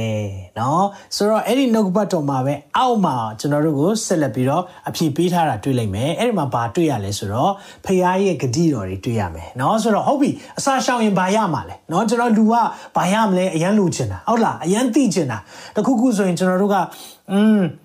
ဘာအကျိုးရှိမလဲတခုခုလုပ်မယ်ဆိုရင်ဘာအကျိုးရှိမလဲเนาะတယောက်ကစီးပွားဖက်လုပ်မလားလို့ပြောရင်ဘာအကျိုးရှိမလဲအမြဲတမ်း လူကလေကိုအကျိုးရှိမဲ့ဟာကိုအရန်ရှာတတ်တယ်ဒါဒါအမြဲတမ်းဖြစ်တတ်တဲ့သဘောတဘာဝကိုပြောတာပါဒါဆိုရင်ကျမအစာရှောင်ရင်ဘာအကျိုးရှိမှာလဲကျွန်တော်အစာရှောင်ရင်ဘာအကျိုးရှိမှာလဲဖခင်ကအမှသို့ပြုလင်ဆိုတာတွေ့လားသို့ပြုလင်သို့ပြုလင်လို့တွေ့တိုင်းအပေါ်ကိုပြန်ဖတ်ကြည့်ရတယ် ငေါပြောချင်တဲ့သဘောကငါနှစ်သက်သောအစာရှောင်ခြင်းဆိုတာဖယားသူနှစ်သက်တဲ့အစာရှောင်ခြင်းနဲ့ကျွန်တော်တို့အစာရှောင်တဲ့အခါမှာဖယားကသို့ပြုလေအဲ့လိုလုပ်တယ်ဆိုရင်အဲ့လိုလာတာနော်အဲ့လိုလုပ်တယ်ဆိုရင်သင်ရဲ့အလင်းသည်မိုးတောက်သောအလင်းကဲ့သို့ပေါ်ထွန်း၍သင်ရဲ့နော်သင်ဤအလင်းလို့ပြောတဲ့အခါမှာဖယားကျွန်တော်တို့ကိုအလင်းပေးထားတဲ့အရာပေါ်ထွန်း၍တဲ့နော်ဆိုတော့အဲ့ဒီအရာလေးကျွန်တော်အဲ့ဒါလေးလည်းတစ်ချက်နံပါတ်1အချက်ကသင်ရဲ့အလင်းလင်းမယ် နော်မိုးတောက်သောအလင်းကဲ့သို့ဆိုတာတဖြည်းဖြည်းလင်းလာတာနော်မိုးတောက်သောအလင်းဆိုတာမိုးမနေ့ပိုင်းမိုးလင်းလာရင်တဖြည်းဖြည်းလင်းလာတာပြောချင်တဲ့သဘောကသင်ရဲ့ influence သင်အားဖြင့်လူတွေမြင်တဲ့အခါမှာဒီတယောက်ထူခြားတယ်နော်။ဘာကြောင့်လဲ။ဖျားနှစ်သက်တဲ့အစာရှောင်ခြင်းနဲ့သွားတာလေ။ခုနကျွန်တော်တို့အငယ်အာဒီချောင်းနဲ့ခွန်ကိုတကယ်ကျင့်သုံးတယ်ဆိုရင်လေအဲ့ဒီလူတွေကိုဖျားတကယ်ချီးမြှောက်တယ်။ အဲ့ဒီလူတွေကိုဖះကလေမိုးတောက်တော့အလင်းကဲ့သို့ပဲတဖြည်းဖြည်းလင်းလာစေတယ်မိတ်ဆွေတင်ထလောလင်းလောတင်အလင်းရောက်လာပြီတင်အလင်းလင်းလို့ရတဲ့အချိန်ဖြစ်တယ်အာမင်အဲ့ဒါတွေ့ပြီးရင်ဒါပဲလားလို့ပြောတဲ့အခါမှာအလင်းအမြန်ကျမ်းမာခြင်းဟောကျမ်းမာခြင်း health reason ကျမ်းမာခြင်းလဲရောက်လိမ့်မယ်တဲ့နော်ဒီနေ့ဖျားနှစ်သက်တဲ့အစာရှောင်ခြင်းအဲ့ဒီမှာကျွန်တော်တကယ် key point လေးတစ်ခုကိုပြောပြချင်တယ်အဲ့ key point ကသို့ပြုလျင် ဒို့ပြုလင်ဆိုတာအဲ့လိုလုပ်တယ်ဆိုရင်ငါနှစ်သက်သောအစာရှောင်ခြင်းအငယ်6ကနေကျွန်တော်တို့ဖတ်တဲ့အခါမှာငါနှစ်သက်သောအစာရှောင်ခြင်းအငယ်ခွန်ဖတ်တဲ့အခါမှာဒါတွေကိုလှုပ်တယ်ဆိုရင်နော်လို့လာတာဆိုတော့အဲ့ဒီမှာတင်းရဲ့အလင်းသည်မိုးတောက်သောအလင်းကဲ့သို့ပေါ်ထွန်း၍မိုးတောက်တဲ့အလင်းလိုပဲကျွန်တော်တို့ပေါ်ထွန်းစီပြီးအလင်းမြန်ကျမ်းမာခြင်းသို့ရောက်လိမ့်မယ်ကျမ်းမာမယ်နော်အမှ benefit နှစ်ခုရှိပြီဖခင်ရဲ့ဂတိနော် ဒါကျမ်းစာပြောတဲ့အရာနှုတ်ကပတ်တော်ကပြောတဲ့အရာတင့်ကိုဖခင်ဓာတ်ရိုက်ပြောနေတယ်ဒီနေ့ဖခင်နှစ်သက်တဲ့အစာရှောင်ခြင်းဆိုတာရက်ရှည်ကြီးတွေဟုတ်လားရက်40ဘဏ္ဍခါတွေပါတွေအဲ့ဒါမျိုးတဲ့နော်လို့တွားနိုင်တာကျွန်တော်အပြစ်မပြောပါဘူးကောင်းတယ်ဒီနေ့ကျွန်တော်တို့တကယ်လုပ်တဲ့အစာရှောင်ခြင်းကအထဲနဲ့ပိုဆိုင်တယ်သူများပုံမှာကျွန်တော်ဝင်တင်တာတွေချီနှောင်တာတွေတန်ကြိုးတွေဖြတ်ဖို့လိုတယ်နော်ဒါတွေနားလည်ဖို့လိုတယ်အဲ့မှာအလင်းလင်းမဲ့မိုးတောက်လင်းဆိုတော့တဖြည်းဖြည်းပို့ပြီးတော့ကိုယ့်ရဲ့အလင်းဟာ တာ၍တာ၍လင်းလာတဲ့အလင်းလိုဖြစ်မယ်ပြီးရင်ကျမ်းမာခြင်းအလင်းမြင်ရောက်မယ်အဲ့မှာဒီကျွန်တော် benefit နှစ်ခုရှိပြီနော်ဖခင်ကတိတော့သင်ရဲ့ဖြောက်မှတ်ခြင်းပါရမီတဲ့သလားဘာလို့လဲဆိုတော့ဖြောက်မှတ်မှန်ကန်တဲ့သူအဖြစ်ကိုဘုရားမြင်ပြီလေဟုတ်တယ်နော်အဝတ်မရှိတဲ့သူတွေအဝတ်ပေးတာတို့နော်စားတော့ခက်နေတဲ့သူတွေကိုစားတော့ပေးတာတို့နေရာမရှိတဲ့လူတွေနေရာပေးတဲ့ခါမှာသင်ဟာဖခင်ကနော်ကျွန်တော်တို့ကို holiness လို့လည်းတချို့ဘာသာပြန်ထဲမှာသုံးထားတယ် နော်တန်ရှင်းခြင်းပါရမီလို့လည်းသုံးထားတယ်ဆိုတော့ဒီအရာတွေဟာတဲ့သင်ရှိမှသွားမယ်တဲ့ဟုတ်လားဖြောင်းမှတ်ခြင်းပါရမီသင်ကိုလူတွေကမြင်တဲ့အခါမှာသင်ကဖြောင်းမှတ်မှန်ကန်သောသူဆိုတာကိုသိလိမ့်မယ်သင်ပြောတဲ့စကားတိုင်းကိုအလေးထားလိမ့်မယ်အာမင်အဲ့လိုဖြစ်သွား၍တဲ့ဖခင်ရဲ့ဘုန်းတော်ဟာ သင်ကိုလုံခြုံစေမယ် protection လုံခြုံမှုလည်းရှိလိမ့်မယ်တဲ့ wow ဂတိတွေအများကြီးပဲเนาะကျွန်တော်တို့ဖခင်ပေးထားတဲ့ဂတိတွေကကြည့်အောင်သေချာလေးတစ်ချောင်းချင်းဖတ်တဲ့အခါမှာအသိအသေးပဲရှိတယ်ဒါပေမဲ့ဒီရဲ့ဂတိတွေကဘာလို့ခေါ်လဲဆိုတော့ conditional promises လို့ခေါ်တယ် conditional ဆိုတာတခုခုပေါ်မှာမူတည်ပြီးတော့ပေးတဲ့ဂတိဖြစ်တယ်တနည်းအားဖြင့်သင်ဘက်ကလောက်ရမယ့်အပိုင်းရှိတယ်ပြီးရင်ဖခင်ဘက်ကပေးမယ့်အပိုင်းရှိတယ် နော်ဆိုတော့စာမွေးဖြေရမယ်ပြီးရင်အောင်လက်မှတ်ရမယ်အဲ့ဒီသဘောမျိုးစာမွေးမဖြေပဲအောင်လက်မှတ်ရလို့မရအောင်အဲ့ဒီသဘောမျိုးကိုပြောတာဖြစ်တယ်ဒါကြောင့်မလို့ဒီအရာတွေရချင်လားနော်ဥမာတင်းရဲ့အလင်းမိုးတောက်လင်းခဲ့သူထွန်းလင်းတယ်တင်းအလုံးမှာတင်းအလင်းလင်းတယ်အလင်းလင်းတယ်ဆိုတော့ကိုယ်ကိုကြည့်တဲ့အခါမှာဒီတယောက်ထူးခြားတယ်အလင်းဖြစ်တဲ့အခါမှာနော်အလင်းရှိတဲ့နေရာကိုလူတွေကလေတန်လိုက်လို့ပဲဆွဲငင်တယ်နော်ဒါမျိုးတွေဖြစ်လာတဲ့အခါမှာဘာလို့ဖြစ်လဲ အလင်းမြန်ကြမ်းမာခြင်းအလင်းအမြန်ရိုးရိုးကြမ်းမာခြင်းတော့မဟုတ်အလင်းအမြန်ကြမ်းမာတာသင်ကြမ်းမာခြင်းလိုအပ်တယ်ဆိုရင်ဖခင်နှစ်သက်တဲ့အစာရှောင်ခြင်းတွေ့လားအစာမစားတာကိုပဲပြောတာမဟုတ်ဘူးနော်ဖခင်တကယ်နှစ်သက်တဲ့အဲ့ဒီအစာရှောင်ခြင်းတွေလုပ်ရင်သင်အလင်းမြန်ကြမ်းမာလိမ့်မယ်အာမင်တချို့လူတွေဒီနေ့မှာဆုံးဖြတ်ချက်ချရအောင်ဆုံးဖြတ်ချက်ချတဲ့အခါမှာတင့်ပေါ်မှာဖခင်အလင်းမြန်ကြမ်းမာခြင်းလဲပေးလိမ့်မယ်တင့်ရဲ့ဖြောင့်မတ်ခြင်းပါရမီတင့်ကိုဖြောင့်မတ်ခြင်းတင့်ရဲ့ရှေ့မှာသွားမယ် အာမင်။တင့် reputation တင့်ရှေ့မှာသွားရဲဆိုတာနာမည်ကအရင်သွားလေးရှိတယ်။လူကိုနောက်မှတွေ့တာ။ဟုတ်တယ်နော်။ David Kim ဆိုတဲ့အရာကို David Kim ကိုနာမည်အရင်ကြားတာ။ပြီးကြမှပဲကျွန်တော်ပုဂ္ဂိုလ်ချင်းသိတာ။နော်ဆိုတော့တခါလေးလဲဟိုမဟုတ်တာတွေကြားရင်ကြားထားမှာပေါ့။နော်အဲဒါတော့မဖြစ်နိုင်ပါဘူးเนาะဆိုတော့ဒါပေမဲ့တကယ်တမ်းထိတွေ့ဆက်ဆံကြည့်တဲ့အခါမှာအဲ့အဲ့လိုမဟုတ်ပါလားเนาะဆိုတော့ဖြစ်တတ်တယ်ဆိုတော့ပြောချင်တဲ့သဘောကသင်ရှိမှာသွားမယ်ဆိုတာ သင်မရောက်ခင်မှာသင်ရဲ့ဖြောင့်မတ်ခြင်းပါရမီကိုလူတွေသိလိမ့်မယ်အာမင်ပြီးရင်သာရဖျားရဲ့ဘုန်းတော်ဟာသင်ရဲ့နောက်မှာလုံခြုံစေမယ်နော်ဆိုတော့ကိုအရှိရပဲသွားတဲ့အခါမှာနောက်ကလွတ်နေမှာမဟုတ်ဘူး ဖះရဲ့ဘုံတော်ဟာနောက်နိုင်လုံခြုံစေမယ်။ဝေါဂတိတော်သိကောင်းတာပဲเนาะဒုတ်ပြုလေအော်လာပြန်ပြီအငယ်ကိုလဲဒုတ်ပြုလေเนาะဆိုတော့ဖះနှစ်သက်တဲ့အစာရှောင်ခြင်းနဲ့သာသွားမယ်ဆိုရင်ဒုတ်ပြုလင်သာရဖះသည်တင်ခေါ်သောအခါထူးတော်မူလိမ့်မည်ဘလောက်ကောင်းလဲเนาะဆိုတော့ဖះဖះလူတိုင်းကိုခေါ်တိုင်းတော့မထူးတတ်ဘူးဆိုတာလဲစံစာထဲမှာ ပြောထားတယ်နော်တုတ်တန်တစ်ထဲမှာငါပြည့်ရပြုမယ်ဒီပါရီတောင်ပြောတာနော်ဖခင်ကကျွန်တော်ခေါ်တဲ့အခါမှာသူစကားနားမထောင်မဲနဲ့ခေါ်တဲ့အခါမှာပြည့်ရပြုမယ်လို့တောင်ပြောတဲ့စကားလုံးတွေသုံးထားတယ်ပြောချင်တဲ့သဘောကပါလေကျွန်တော်တို့ကဖះကိုခေါ်တဲ့ကထူးမယ်ဆိုတာဖះနှစ်သက်တဲ့အစာရှောင်ခြင်းနဲ့သွားတဲ့လူဖះသိကြိုက်တာဒါလေးကိုကျွန်တော်သိစေချင်တယ်เนาะဒါကြောင့်ခုနကျွန်တော်တို့တွေ့ခဲ့တဲ့ အဲ့ဒီအရာလေးကိုဟေရှာယအနာဂတ်တိကျကလည်းဒီတခါနဲ့တောင်လုံလောက်တယ်လို့ပြောလို့ရတယ်နော်တကယ်ကျွန်တော်ဘဝမှာဒါ live lesson ဖြစ်နေတာနော်ကျမ်းမာခြင်းအကြောင်းပါတယ်ကိုယ့်ရဲ့ reputation အကြောင်းပါတယ်ကိုယ့်ရဲ့လုံခြုံမှုအကြောင်းပါတယ်ကိုယ့်ရဲ့နော်ဒီမှာအကူအညီနော်အကူအညီပေါ့ help တို့ပြုလင်ထားရဖျားဒီသင်ခေါ်တော့ကထူးမယ် wow such a promise amen the love promise ပေးရတာဘာကြောင့်လဲဖခင်ကလေ သူနှစ်သက်တဲ့အစာရှောင်ခြင်းရှိရင်သူအယံပျော်တယ်ကြီးတဲ့အခါမှာအော်ဟစ်တော့ကငါရှိသည်ဟုမိန့်တော်မူသည်အော်ပြီဆိုလဲရှိတယ်ငါသားရှိတယ်ငါသမီးလို့ဖခင်ကထူးမယ်တဲ့ဟာလေလုယာဘလောက်ကောင်းမြတ်တဲ့ဂတိတော်လဲဒါကြောင့်မလို့မိတ်ဆွေတို့ဒီနေ့မှာနားလဲစေချင်တယ်တိတ်ကောင်းတဲ့ဂတိတော်တွေကျွန်တော်တို့တွေ့ထားပြီးတော့ဘာကြောင့်မယူရမှာလဲတခုရှိတယ်သို့ပြုလင်သို့ပြုလင်ဆိုတဲ့စကားလုံးရှိတယ်နော်သို့ပြုလင်ဆိုတာသင်လုံမ လုံမရမယ်ကောင်းကြီးတွေဖြစ်တယ်လုံမသင်ဖက်ကနေဖះကြိုက်တဲ့အစာရှောင်ခြင်းနဲ့ဖះမကြိုက်တဲ့အရာတွေရှောင်ဖះကြိုက်တဲ့အစာရှောင်ခြင်းကိုလှုပ်တဲ့အခါမှာသို့ပြုလင်အဲ့ဒီဂတိတွေအာမင်အဲကြောင့်မလို့ဂတိနဲ့ဖះဂတိနဲ့ကျွန်တော်တို့လှုပ်ဆောင်မှုဟာတွဲတတ်တယ်ဒါကြောင့် conditional promises တွေဖြစ်တယ် နော်ဒါကြောင့်ဖခင်ကသူ့ဘက်ကနေလုတ်ကိုလုတ်ပေးရမှာမဟုတ်ဘူးလေသူတင့်ကိုဘာအကျွေးမှမတင်ဘူးကျွန်တော်တို့ကပဲအကုန်ကျွေးချင်တာဟုတ်တယ်နော်ပြန်ပြောမယ်နော်ဖခင်ကတင့်ကိုလေလုတ်ကိုလုတ်ပေးရမှာဘဲဆိုတဲ့အတွေးခေါ်ရှိတယ်ဆိုရင်ဒါဖယ်လိုက်ပါလုံးဝဖခင်အတင့်ကိုလေတခုမှလုတ်ပေးစရာမလိုဘူးအမှန်တိုင်းပြောမယ်သူကာရန်နီမှာလုတ်ပေးတာအကုန်ဆုံးပြီအတင်းအတွက်ပြီးပြီဒါမဲ့အတင်းလုတ်ကိုလုတ်ပေးရမယ်ကြမ်းမာမှာပေါ့နော် no no no no no ဖခင်တင့်ပေါ်မှာ he doesn't owe you anything you owe him everything you owe him everything ကျွန်တော်တို့ကသာဖះကိုအများကြီးအကျွေးတင်တာဖះကျွန်တော်တို့ဘာမှဘာအကျွေးမှမရှိဘူးเนาะတမလွန်ထာဝရအသက်ကိုတောင်ပေးထားတာတင့်ကိုပိုင်ထားတယ်ဒါကြောင့်ကျွန်တော်တို့ကဖះကိုတစ်ခါလေးဆက်ဆံတဲ့အခါမှာအကျွေးတောင်းတယ်လို့မျိုးသွားလုပ်လို့မရဘူးပြောချင်တာ conditional promises ဆိုတာတင့်ဖက်ကလုပ်ရမယ့်အရာလေးတွေရှိတယ် အဲကြောင့်ဖះနှစ်သက်တဲ့အစာရှောင်ခြင်းကိုသင်လုပ်မယ်ဆိုရင်တော့သင်ဖက်ကနေဖះကထူးခြားစွာနဲ့ပို့ဆောင်လိုက်မယ်ဟာလေလုယာကျွန်တော်တို့ဒီ reason တွေအများကြီးရှိတယ်ပြန်ကြည့်ရအောင်သင်ရဲ့အလင်းမိုးတောက်လင်းခဲ့သူလင်းမယ်တဖြည်းဖြည်းသင်ရဲ့ reputation တွေပို့ပြီးဖះသိစေမယ် အလင်းမြန်ကြမ်းမှခြင်းเนาะနှစ်ခုရှိပြီသင်ရဲ့ဖြောင်းမှတ်ခြင်းပါရမီကသင်ရှိမှသွားမယ်သင်ကိုဖြောင်းမှတ်မှန်ကန်တဲ့သူဖြစ်ဖျားမြင်လာလူတွေကမြင်လာမယ်သာရဖျားရဲ့ဘုန်းတော်သင်ကိုလုံခြုံစေမယ် the glory of god will protect you ဖျားရဲ့ glory နဲ့ဖုံးထားတဲ့အခါမှာအာဒန်နဲ့အေဝါအဝတ်ဝတ်ထားတာအဝတ်မဝတ်ထားမှန်းတော့သူတို့မသိဘူး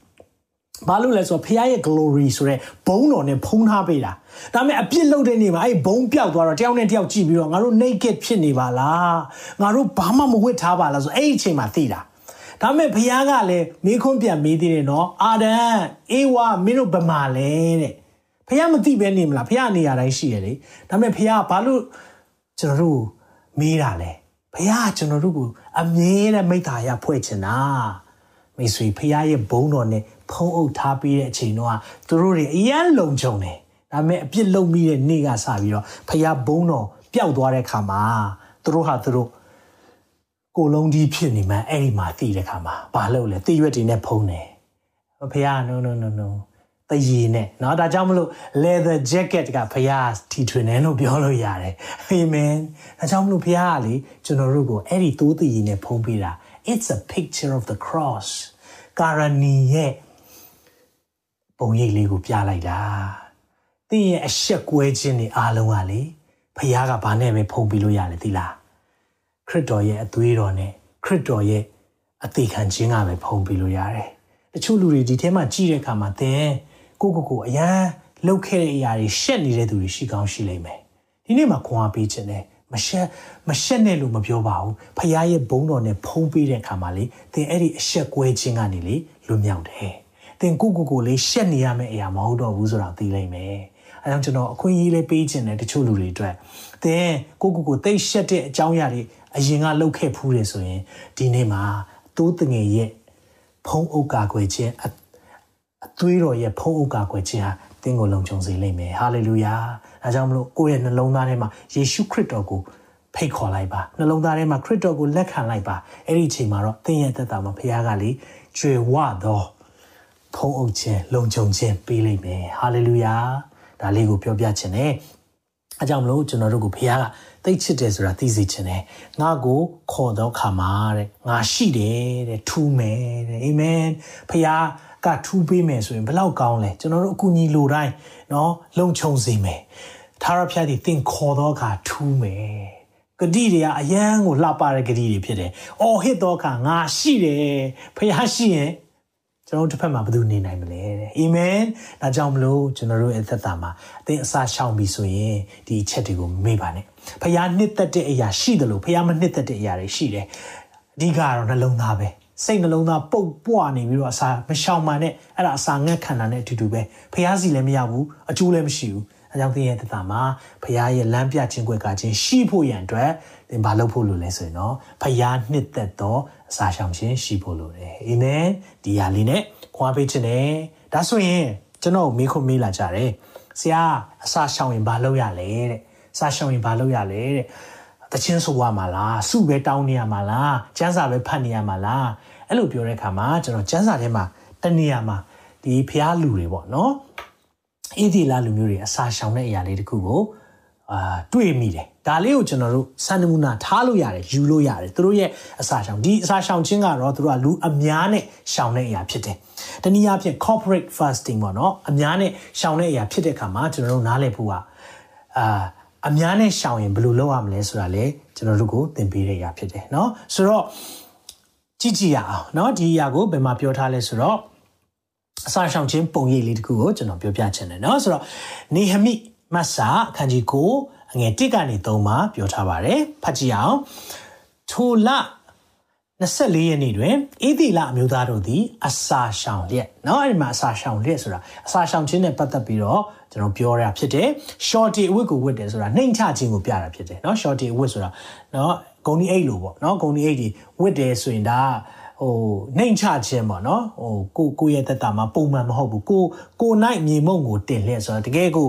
မြေကြီးနဲ့တသားတွေဖြစ်တယ်ဆိုတာဒါမျိုးပေါ့နော်အရန်ကြည်ကွဲတဲ့အခါမှာကျွန်တော် Middle East မှာကြည့်ရင်တို့ကအရန် expression လုပ်လို့ရှိတဲ့လူမျိုးဖြစ်တယ်သူတို့ရိုးရာဝတခုခုဆိုအရန်ကြီးပေါ်ပြတယ်ကြည်ကွဲတယ်ဆိုရင်လည်းသူတို့တွေအာအရန်ကိုဟိုကြည်ကွဲတာပေါ့နော်ကျွန်တော်တို့တစ်ခါလေကြာရင်ကျွန်တော်လူမျိုးတွေကအแทမှာပဲတူထားတာခက်များများဖြစ်တတ်တယ်ဒါပေမဲ့ ဖိတ်ဒီရဲ့အရာကိုကြည့်တဲ့အခါမှာအစာရှောင်တဲ့အခါမှာသူတို့ shorty ဝစ်ဝစ်တာတို့ကိုနိုင်နော်မြေမှုန့်တွေကိုတင်ပြီးတော့ထားတာမျိုးရှိတယ်တဲ့နော်အဲ့လိုစီဝေးကြတယ်တဲ့ဟုတ်ပြီနော်ဒါဆိုအစာရှောင်ရင်ဘာလုပ်ဖို့လိုလဲဆိုတော့ shorty ဝစ်ဝစ်ဖို့လိုတယ်တနည်းအားဖြင့်နှိမ်ချခြင်းဝစ်လုံဝစ်ဖို့လိုတာ နှိမ်ချခြင်းကိုပုံဆောင်တယ်เนาะနှိမ်ချခြင်းနဲ့ကိုနိုင်မြေမှုန့်တင်တယ်လို့ပြောတဲ့အခါမှာမြေကြီးတဲ့တသားတယ်เนาะကိုဘာမှမဟုတ်ဘူးဆိုတာကိုသိဖို့လိုတယ်ဆိုတာကိုနံပါတ်1ပြောတယ်နံပါတ်အငယ်1မှာဗာပြောလဲဆိုတော့ထိုအခါအေဒီလာအမျိုးစစ်ဖြစ်တော်သူတို့သည်တဲ့ဘာလို့လဲဆိုတော့တပါးမျိုးသားရှိသမျှတို့နဲ့ကြွာ၍တပါးမျိုးသားတွေနဲ့ရှိတာကိုကြွာပြီးတော့ကြွာတယ်ဆိုတာဘာကိုပြောတာလဲဆိုတော့အဲ့ဒီမှာ တဘာမျိုးသားတွေဆို social distancing လောက်တာเนาะဆိုတော့ကျွန်တော်တို့အခု social distance နေရန်ခစ်စားတယ်เนาะဆိုတော့ခက်ခွာခွာနေပါယောဂကူးမယ်စသဖြင့်ပေါ့မှန်တယ်เนาะအခု virus ကလည်းလေခက်ခွာခွာမနေကူးတယ်ဆိုတော့ကျွန်တော်တို့တွေအခုအမေရိကတွေမှာကြီးတဲ့ခါမှာဆန္ဒပြပွဲတို့เนาะနောက်ပြီးတော့သမရဒီ rally တွေလောက်တာတဲ့နောက်ပိုင်းမှာအာယောဂဖြစ်မုန်းတွေတိုးလာတယ်နောက်ပြီးတော့အခုဆိုရင်အဲဩစတြေးလျမှာဆိုရင်လည်းသူတို့ဒီ တားဆီးမှုပိတ်ပင်မှုလေးတွေနည်း short ချပေးတာပေါ့လူတွေခါတိုင်းထက်ပို့ပြီးတော့တွေးလို့ရတဲ့အခြေအနေတွေဖြစ်လာတဲ့ခါမှာဘာဖြစ်လာဆိုတယောက်နဲ့တယောက်နီးစပ်မှုရှိတဲ့ခါမှာယောဂအကူးပြီလေဆိုတော့ social distance ဆိုတော့တနည်းအားဖြင့်ဝိညာဉ်ထဲမှာလည်းထုံးနေကောင်းမယ်သင်ဝိညာဉ်ထဲမှာပေါင်းတဲ့သူတွေလည်းကြည့်ရမယ်။ဝိညာဉ်ထဲမှာပေါင်းတဲ့သူတွေကကိုယ့်ကိုဘာ virus ပေးနေလဲ။နော်ဆိုတော့တအားဆိုင်နေနော်အဲ့ဒါလေးကအမြင်ကအမြဲတမ်းဖျားအမြင်နဲ့သွားတဲ့သူနဲ့ပေါင်းကြည့် ကိုလည်းအဲ့လိုအမြင်ကူးလာတယ်အာပြီးရ negative ပဲမြင်ပြီးအမြဲအတင်းပြောတဲ့သူနဲ့တော့ပေါင်းကြည့်အဲ့လိုပဲဖြစ်လာတယ်ဆိုတော့တချို့ကလေအာပေါင်းတဲ့လူအားလုံးကအတင်းပဲပြောတယ်လို့ထင်လားအဲ့ဆိုသင်လည်းတယောက်ဖြစ်နေလို့ပဲဘာလို့ဆိုတော့ဟိုမတူတဲ့ဟာလည်းသွားပေါင်းလို့မရအောင်ဆိုတော့တင်ကတငယ်ချင်းတွေကခဏတည်းအတင်းပြောတာပဲဆိုတခါလေအတင်းပြောမှတော့မသိဘူးဖြစ်နေတတ်တယ်အဲ့မှာကြည့်တဲ့ခါမှာတပါးမျိုးသားရှိသမျှတော့ ਨੇ ကွာပါဆိုတော့ပြောချင်တာ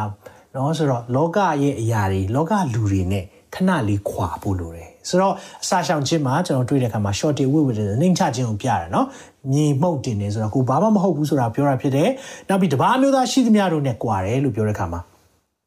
နော်ဆိုတော့ separate separation ဆိုတော့ကိုလုံနေတဲ့အရာတွေဒါတွေကိုခဏ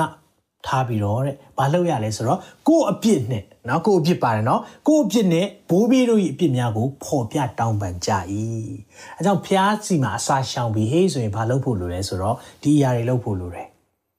ဆိုတော့နံပါတ်1ကနှိမ်ချရမယ်နော်ပြီးရင်ကိုနဲ့ပေါင်းသင်းဆက်ဆံတဲ့သူတွေကိုခတ်ခွာနေရမယ်အစာရှောင်ထားပြီးတော့ချိန်လုံးဖုန်းပြောပြီး FaceTime လုပ်လို့မရဘူးဘာကြောင့်လဲအစာရှောင်ထားတယ်ဖျားနဲ့အချိန်ယူတဲ့အခါမှာလူနဲ့အချိန်မပေးတာကိုပြောတာဖြစ်တယ်နော်အဲ့ဒါကိုနားလေစေချင်တယ်ဆိုတော့ကိုဖျားနဲ့အချိန်ပေးတော့မယ်ဟေးလို့လုပ်တဲ့အခါမှာ ပုံမှန်ဆက်ဆံနေတဲ့လူတွေနဲ့ခဏလေးခွာပါเนาะဒါကိုပြောတာဖြစ်တယ်ဆိုတော့ကို့အပြစ်နဲ့ဘိုးဘေးအပြစ်တွေကိုဖော်ပြတောင်းပန်ပါเนาะတီရောတီကိုနှုတ်ပတ်တော်မှာလည်းရှိတယ်ငါတို့အပြစ်များကိုဖော်ပြတောင်းပန်ရင်တဲ့ဖះဟာအာဖြောင့်မတ်ခြင်းเนาะနဲ့သစ္စာတရားနဲ့ပြည့်စုံတယ်အပြစ်များကိုခွင့်လွတ်နိုင်တယ်ဘုရားဖြစ်တယ်လို့တေယောတိကိုနှုတ်ဖတ်တော်မှာလည်းပြောတယ်။ဒါကြောင့်မလို့အပြစ်တွေကိုဝင်ချတောင်းပန်ရမယ်။နောက်အငယ်သုံးလေးကိုကြည့်အောင်။ဒါလေးစိတ်ဝင်စားဖို့သိကောင်းတယ်။မိမိတို့နေရာ၌ရက်နေ၍ နော်မိမိတို့နေရာ၌ရက်နေ၍မိမိတို့ဘုရားသခင်သာရဘုရားဤပြည့်ညက်တိကျမ်းစာကိုနေ့လေးစုတစုဖတ်ကြ၏တဲ့။နေ့လေးစုတစုဖတ်တယ်တဲ့။ဆိုတော့နေ့လေးစုတစုဆိုနေ့တစ်နေ့မှာ12နာရီရှိတယ်လေးစုတစုဆိုတာလေးပုံတစ်ပုံဆိုတော့3နာရီဆိုတော့အစာရှောင်နေဆိုရင်တရက်မှာ3နာရီကျန်းစာဖတ်တယ်လို့ပြောတာဖြစ်တယ် နော်ဒီမှာကြည့်တဲ့အခါမှာပြညတ်တိကျမ်းလို့ပြောတဲ့အခါမှာသူတို့ကတော့အဲ့တုန်းကမောရှေရဲ့ငါးကျမ်းပေါ့နော်ဒါကိုပြညတ်တိကျမ်းနေနော်ကျွန်တော်တို့ဖတ်လို့ရတဲ့ဟာရှိတဲ့အရာတွေကိုပြောတာဖြစ်တယ်ဆိုတော့ဒါမဲ့ကျွန်တော်တို့ကအခုဆိုရင်ဖတ်စရာပူတော့များသွားတယ်ဟုတ်တယ်နော်ဓမ္မဟောင်းလည်းရှိတယ်ဓမ္မသစ်လည်းရှိတယ်အနာဂတ်တိကျမ်းတွေလည်းရှိတယ်နော် gospel နော်ဒီနေ့ Christian living အကြောင်းတွေဖတ်လို့ရတာအများကြီးရှိတယ်ဆိုတော့ နေ့လေးစုတစုဖတ်ကြ၏တဲ့ဒါသူတို့ဖတ်တာနော်ဒါပေမဲ့ကျွန်တော်တို့ဒါကိုပုံရိပ်လေးအစာရှောင်ခြင်းပုံရိပ်လေးရလာတယ်ဆိုတော့သူတို့စီမှာရှိတဲ့အရာလေးကိုကျွန်တော်တို့လည်းယူလို့မရဘူးလားရတာပေါ့နော်ဒါလေးကိုကြည့်တဲ့အခါမှာဩငါတို့လည်းဒါနဲ့ယူသွားလို့ရတာပဲနော်ဒါကိုတင့်ကိုနားလဲစေချင်တယ်ဒါကြောင့်မလို့အစာရှောင်ရင်ဘာလုပ်ရမလဲကျန်းစာဖတ်ရမယ်ဆိုဘယ်လောက်ဖတ်ရမလဲဆရာကြီး3နာရီဖတ်ရမယ်နော်ဒီမှာကျန်းစာရနော်နေ့၄စုတစု 3နာရီကျန်းစာဖတ်ပါเนาะဟုတ်ပြီအပြစ်ကိုဖော်ပြတောင်းဩအပြစ်ကိုလည်းပြန်ဖော်ပြတောင်းပန်ရမယ်เนาะအဲ့ဒါလည်းအရင်ရေးကြည့်တယ်မိမိတို့ဖျားသခင်သာရဖျားကိုတဲ့နေ့၄စုတစုကိုးကွယ်ကြ၏တဲ့ဝေါနောက်3နာရီပါလို့ဆိုကိုးကွယ်တယ်ဆိုเนาะဆိုတော့ကျွန်တော်တို့ကိုးကွယ်ချီးမွမ်းနေလို့ရတယ်ဖះကိုချီးမွမ်းကိုးကွယ်ခြင်းနဲ့လည်းသွားနေလို့ရတယ်เนาะဒါကိုကြည့်တဲ့အခါမှာဖះကဘာဖြစ်စီခြင်းလဲဆိုတော့အပြစ်လဲဖော်ပြတောင်းပန်တာလိုချင်တယ်အစာရှောင်တဲ့အခါမှာ ပြီးရင်ကိုယ်နဲ့ဆက်ဆက်နေတဲ့လူတွေเนาะလောကနဲ့ဆက်ဆက်နေတဲ့ဆက်ဆက်နေတဲ့အရာတွေကိုလည်းခက်ခွက်ခွာနေဖို့လိုတယ်ပြီးရင်ဘိုးဘီးတွေရဲ့အဖြစ်တွေလည်းတောင်းပန်ရမယ်ကိုယ့်အဖြစ်တွေလည်းတောင်းပန်ရမယ်အဲ့ဒါပြီးရင်ဖျားသခင်ကိုနေ့လေးစုတစုဆိုတာ3နာရီကိုကိုွယ်ပါတဲ့เนาะဆိုတော့ကျွန်တော်တို့အခုကိုကိုွယ်ခြင်းတခြင်းတွေအများကြီးရှိနေပြီဒါတွေနဲ့ကျွန်တော်တို့ကိုကိုွယ်ပြီးတော့ဖျားမျက်မှောက်တော်ထဲမှာအချိန်ယူဖို့လိုတယ်ဒါတောင်မှသူတို့က အေးသီလအမျိုးသားလို့ပြောတယ်နော်ဆိုတော့အမျိုးသားတွေလည်းအစာရှောင်ဖို့လို့လားလို့လားလိုပါတယ်အစာရှောင်ဆူတောင်းလို့ပြောလိုက်ရင်အမျိုးသမီးတွေပဲတွေ့တွေ့နေတယ်ဒီမှာတော့လေဖះလူတွေရှောင်တယ်ကျွန်တော်မကြာခဏပြောပါတယ်ကိုကိုကိုအိမ်ထောင်ဦးစီးလို့ကိုဟာကိုသတ်မှတ်တယ်ခေါ်တယ်ဆိုရင်လေ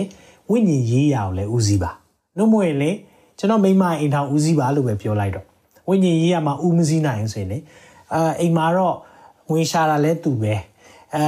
ကလေးတွေကိုလဲသူပဲပြီးရင်အဲ့လိုပဲပြောလိုက်တော့ဝန်ခံလိုက်တာကောင်းတယ်သိရမလားတခါလေကျွန်တော်တို့ကမဟာဖိုမဟာဖိုသိတ်လောက်ချင်တယ်ဒါပေမဲ့ကျွန်တော်ပြောချင်တာဒီမှာကြည့်ပါအေးတီလာအမျိုးသားတွေရှောင်းတယ်အဲကြောင့်မလို့ကျွန်တော်တို့နှုတ်ကပတ်တော်မှာရှင်းရှင်းလေးပြောထားတဲ့အရာတွေရှုပ်အောင်မလုပ်ကြပါနဲ့နော်ဆိုတော့မျိုးသမီးတွေနဲ့ပဲဆိုင်လား no အမျိုးသားတွေစာရှောင်းတယ်ဒီမှာကြည့်တဲ့အခါမှာနော်ဒါကြောင့်အမျိုးသားကောအမျိုးသမီးကောဘုရားကရှောင်းစေခြင်းတယ်လှုပ်တဲ့အခါမှာ နေ့လေးစုတစ်စု၃နာရီကြာစာဖတ်တယ်၃နာရီကိုကိုွယ်တယ်เนาะဆိုတော့ဒါကိုတွေးတဲ့အခါမှာကိုယ့်အဖြစ်တွေလည်းဖော်ပြတောင်းမယ်ကျန်တဲ့ချိန်တွေစုတောင်းတာဖြစ်မယ်เนาะဆိုတော့ကျွန်တော်ကဘာလုပ်လို့ရှိလဲဆိုရင်တော့ကျွန်တော် ကျွန်တော်စာအုပ်လည်းဖတ်တယ်เนาะဆိုတော့ဖျားတရားနဲ့ပတ်သက်တဲ့ဟာအထူးသဖြင့်အစာရှောင်ခြင်းစာအုပ်မျိုးကိုဖတ်တယ်အစာရှောင်ခြင်းနဲ့ဆက်ဆိုင်တဲ့ နှုတ်ကပတ်တော်တွေလည်းနားထောင်တယ်ဒါမျိုးလေးတွေသွားတဲ့အခါမှာတစ်နေ့တစ်နေ့ကုံသွားမှမသိကုံသွားတယ်เนาะဒါလေးကိုလည်းဖြစ်စေခြင်းတယ်ကိုယ့်ရဲ့အဲလော်ကီနဲ့တိုက်ရိုက်မဆက်ဆက်တဲ့ဟာတွေပေါ့ဥပမာဆိုရင်တချို့လှုပ်ရှားလေးရှိတဲ့ဟာတော့ရှိသေးတာပေါ့နော်ငါစာရှောင်ထားတယ်ဘာမှမလုပ်နဲ့ဆိုအဲ့ရမသိမ်းတာတွေပဲအဲ့လိုလဲလုပ်လို့မရအောင်နော်အဲ့ရသိမ်းရမယ်ဒါတွေဟိုလှုပ်ရှားရှိတာလုပ်ရမယ်နော်ကိုယ့်ရဲ့ပုံမှန်လုပ်နေတဲ့အရာလုပ်ရမယ်ဒါပေမဲ့တစ်ချိန်ချင်းမှာပဲဖះနဲ့အချိန်ယူခြင်းမှာလည်း လှုပ်ဆောင်ချက်လေးတွေရှိတယ်ဆိုတာကိုသိစေခြင်းတယ်အာမင်ဒါကြောင့်မလို့ကျွန်တော်ယုံကြည်ပါတယ်သင်ရဲ့သက်တာမှာဖះကဒီနှုတ်ကပတ်တော်တွေကို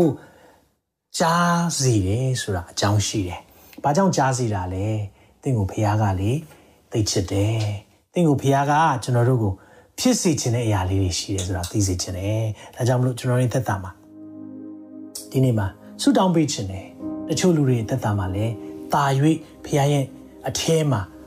ဒီရဲ့ subject တွေအခုဒီအကြောင်းပြောတဲ့အရာတွေကလေးနဲ့တယ်။ကြည်ခဲသောအစားအစာလည်းဖြစ်တယ်။လူတိုင်းအတွက်လည်းတခါလေမဟုတ်တာမျိုးရှိတယ်။ဒါမဲ့ကျွန်တော်ဖြစ်စေချင်တယ်လူတိုင်းကိုရစေချင်တယ်သင်ဒီအရာကိုစားနိုင်ပြီးတော့သင်ဒီအရာကိုလေ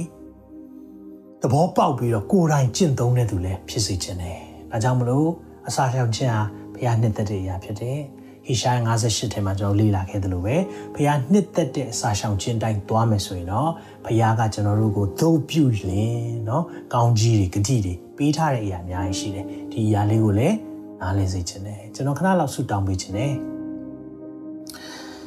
ဖျားရှင်ကိုရောဂျေဇုတင်ပါတယ်ဒီနေ့ကိုရောပို့ဆောင်တဲ့အရာလမ်းပြတဲ့အရာအတွက်နာမတော်ကိုချီးမွမ်းတယ်ဂုဏ်တော်ကိုချီးမွမ်းတယ် ကိုရောကိုရောသိကောင်းမြတ်တယ်ဒီညမှာမြောက်များလားဆိုတော့သူများတဖန်ပြန်လဲရေးကိုရောနှုတ်ပတ်တော်ကိုအတူတကွလေ့လာရတယ်ကိုရောအသက်မုံကိုစားသုံးခွင့်ရလို့ဂျေဇုတင်တယ်ဒီနေ့မှာကိုရောနှစ်သက်တဲ့အစာရှောင်ခြင်းနဲ့ကိုရောမနှစ်သက်တဲ့အရာတွေပြောကြားသင်ကြားခွင့်ရလို့ဂျေဇုတင်တယ်ကိုရောဒီအရာများကိုလူတွေနားလည်ဖို့ရန်ဝိညာဉ်တော်ဖျားရှင်းလင်းစွာနဲ့ထပ်ဆင်၍ကိုရောနားလဲစေပါနှလုံးသားအသီးသီးမှာကြာသွားသောမျိုးစေ့ဟာကောင်းသောမျိုးစေ့ဖြစ်တဲ့အတိုင်းပဲ နှလုံးသားတွေမှာအစ30 60 100မကတော့အပင်ပေါက်တော်သူများဖြစ်စေပါကိုရောကိုရောဘုံနဲ့ကာယံပေးပါတချို့လူတွေကိုရောကိုရောနဲ့ဝေးနေတယ်လို့သူတို့ခံစားနေရတယ်သူတို့လှုပ်ခဲ့တဲ့အရာတွေပေါ်မှာလည်းတခုခုခံစားနေရတယ်ကိုရောဒါကြောင့်ကိုရောသူတို့ပုံမှာညီသက်ခြင်းယခုအချိန်မှာတက်ရောက်စေပါမကြမ်းမာတဲ့သူတွေအတွက်လည်းဆုတောင်းပေးတယ်ဘုရားရှင်ကိုရောအစာရှောင်ခြင်းရဲ့နောက်ွယ်မှာကိုရောနှစ်သက်တဲ့အစာရှောင်ခြင်းရဲ့နောက်ွယ်မှာ ကျမချင်းနဲ့ကိုရောဂတိပေးထားလို့ယေရှုတင်တယ်ဒီအရာအတွက်လည်းဝန်ခံပါ၏ယေရှုတော်အရှင်ကိုရောဒီညမှာကျွန်တော်တို့၄ရက်တိုင်ပို့ဆောင်တယ်ဒီညနောက်ဆုံးညမှာလည်းဒီအကြောင်းအရာများကိုမြောက်များစွာသောသူများတဖန်ပြန်လဲကြားလို့ယေရှုတင်တယ်အသက်တာမှာ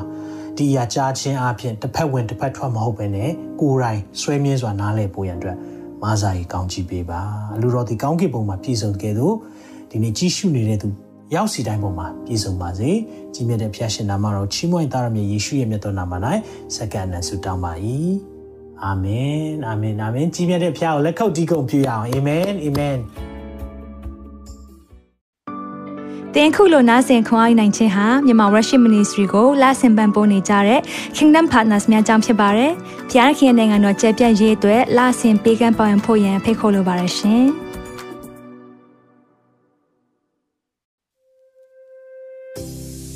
ကြားနာခဲ့ရတဲ့နှုတ်ပတ်တော်အဖြစ်ခွန်အားရရှိမဲ့လို့ယုံကြည်မျှော်လင့်ပါတယ်။ခွန်အားရဆိုလို့ရှိရင်ဒီတစ်ပတ်နဲ့ပြန်လည်ဝင်မြပေးဖို့ရန်တောင်းဆိုပါရစေ။မြန်မာ Worship Ministry ရဲ့ website myanmarworship.com ကိုလည်းလာရောက်လေ့လာဖို့ရန်အတွက်ဖိတ်ခေါ်ချင်ပါတယ်။တချိန်ထဲမှာမြန်မာ Worship Ministry ရဲ့ social media platform များဖြစ်တဲ့မြန်မာ Worship YouTube Channel, မြန်မာ Worship Facebook Page နဲ့မြန်မာ Worship Instagram များကိုလည်းလာရောက်လေ့လာဖို့ရန်အတွက်ဖိတ်ခေါ်ချင်ပါတယ်။နောက်တစ်ချိန်မှာပြန်လည်ဆုံတွေ့ကြပါစို့။ဖျားရှင်ကောင်းကြီးပေးပါစေ။